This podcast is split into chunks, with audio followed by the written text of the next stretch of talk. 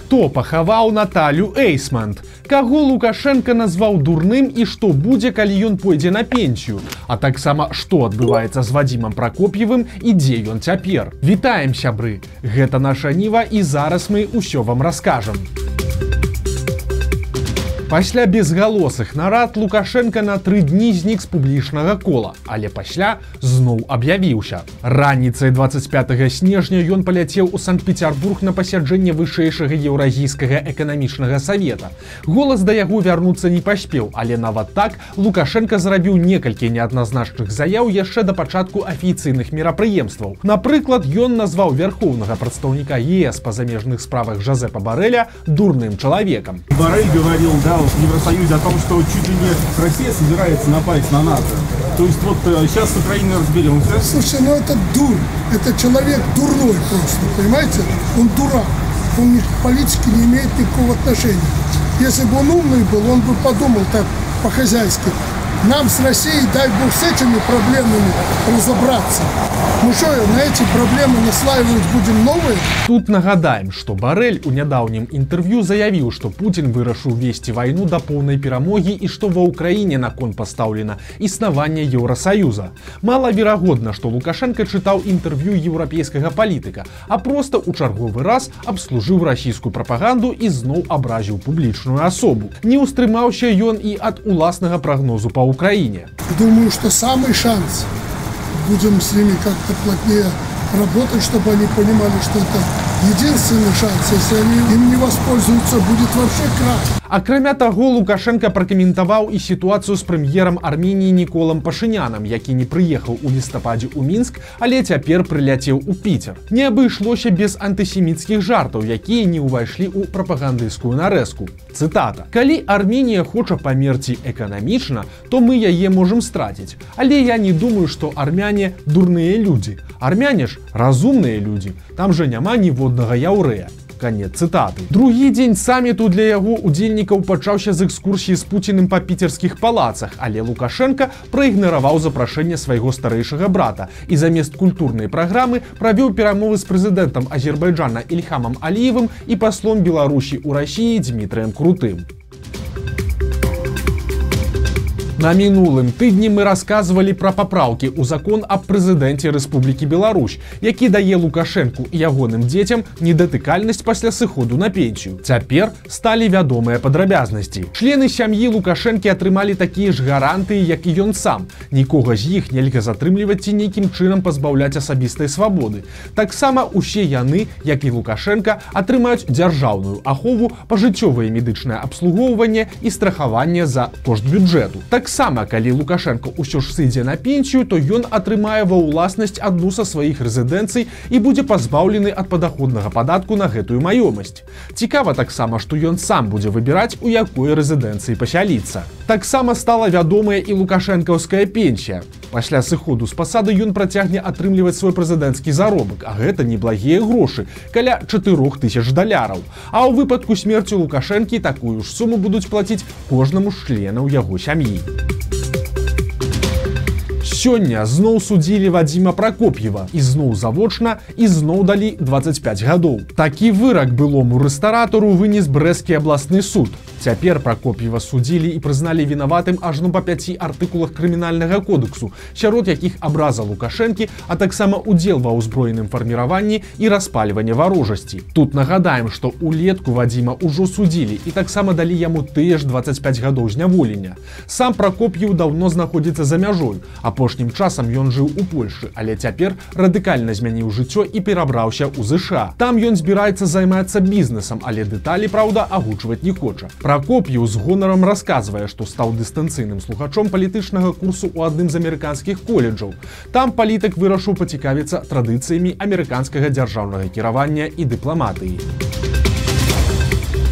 Facebook пахаваў Наталю Эйсмант. Усі, хто заходзіць на старонку прэс-сакратаркі лукашэнкі ў сацыяльнай сетцы, бачаць па знаку светлая памяць, а карыстальнікам прапануюць дзяліцца ўспамінамі пра яе. Сама жа прэс-сакратарка цяпер імаверна знаходзіцца разам са сваім кіраўніком у санкт-петербургу. Фейсбук хавае яе ўжо не ў першы раз. Раней такое здаралася два гады таму. Магчыма, яе старонка проста была ўзламаная альбо карыстальнікі вырашылі яе патроліць і закідалі Facebook паведамленнямі, што яе не стала. Sala. Катастрофа адбываецца на беларускай мяжы. Напярэдадні калядаў радыкальна ўскладнілася сітуацыя на заходніх межах Беларусі, дзе закрытыя многія пункты пропуску. Гэта прывяло да жудасных аўтамабільных чэргаў, у якіх людзям даводзілася стаяць па двое сутак. На мяжы з літвою некаторыя стаялі па 50 гадзін, а на беларуска-польскай мяжы яшчэ больш даходзіла аж да трох сутак. Прычынамі затораў называюць розныя. Хтосьці наракае на беларускіх мытнікаў, якія трасуць рэчы ў машынах, а таксама на КДБ КГБшнікаў, якія ладзяць праверкі. Іншыя абвінавачваюць літоўскіх і польскіх пагранічнікаў. Сітуацыя крыху палепшыла 25 снежня. Час пераходу мяжы скараціўся да 20 гадзін. Заканчэннем доўгіх выходных у Беларусі і Еўропе чарга істотна паменшала.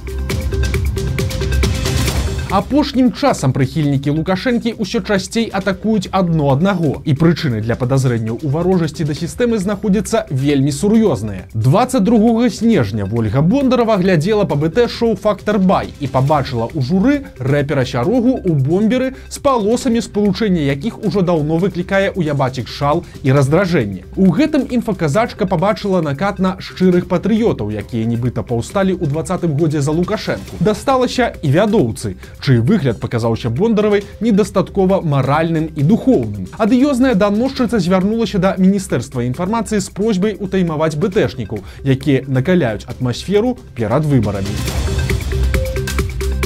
прапагандыстаў масава адпраўляюць у дэпутаты вылучаюць нават самых адыёзных. Калі раней супрацоўнікаў дзярж сМ у палітыцы былі адзінкі то цяпер прасцей пералічыць тых хто ў кандыдаты не збіраецца. Адныя спрабуюць трапіць у палату прадстаўнікоў на пастаянны заробак іншых адпраўляюць у мінгарсавет. Сярод патэнцыйных кандыдатаў у парламент дырэктар нацыянальнай бібліятэкі вадзім гігін а таксама прэс-сакратарка генпракуратуры анжаліка курчак. У мінскім гарадскім савеце колькасць колькасць тэлеперсанажаў будзе яшчэ большая. Сярод іх і кіраўнік белталерады ў кампаніі Іван Эйсман і гендырэктар мінск навінаў і старшыня праўладнага саюза журналістаў Андрэй Крывашею, а таксама нарэшце вырашыў дадаткова рэалізаваць сябе і вядучы СТБ Яўген пуставы што сябе уяўляе цяперашняя выбарчая сістэма Беларусі. Найлепш гэта ахарактарызаваў Олег Гайдукевич. Старшыня ліберальна-дэмакратычнай партыі заявіў, што нават ягоны палавы орган зможа выйграць выбары. Одна грязь, ложь. Про меня за эти 4 года написали уже не знаю про что. Даже половые органы мы обсуждали. Но я им ответил, даже мой половой орган выиграет у вас выборы. Даже он. На любых выборах. Пры такім адміністрацыйным рэсурсе, калі ніводны апазіцыянер і незалежны назіральнік не будзе дапушчаны да выбараў, сапраўды нават Чэлес Гайдукевіча мае шанец прайсці ў парламент. Галоўнае не выстаўляць супраць яго іншага ябацьку, каб нікога не пакрыўдзіць. Хапун адбыўся ў баранавічах. Сілавікі затрымалі найменш 8 чалавек. Усіх іх прымусілі зняцца ў відэа і ўсіх вінаваціць у пратэстах два -го года. Імаверна, людзей вылічылі па відэазапісах з пратэстаў, якія дэманструюцца ў роліку сілавікоў. Не абышлося і без дзекаў. Аднаго затрыманых змусілі ў слязах званіць сваёй дзяўчыне і справаздачыцца пра затрыманне. Імаверна, цяпер мужчынам пагражае крымінальная справа па 342 артыкуле пакаранне да трох гадоў калоніі танец дзіцячага ранішніка у бабуйску парваў тык-ток. Маладая маці выклала ў садсетку відэа з навагодняга свята сваёй дачкі. На ім танец бабы ягі і хаткі на ножках пад сумесь біта і курынага кудахтання. Ролік набраў менш чым за тыдзень амаль 8 мільёнаў праглядаў.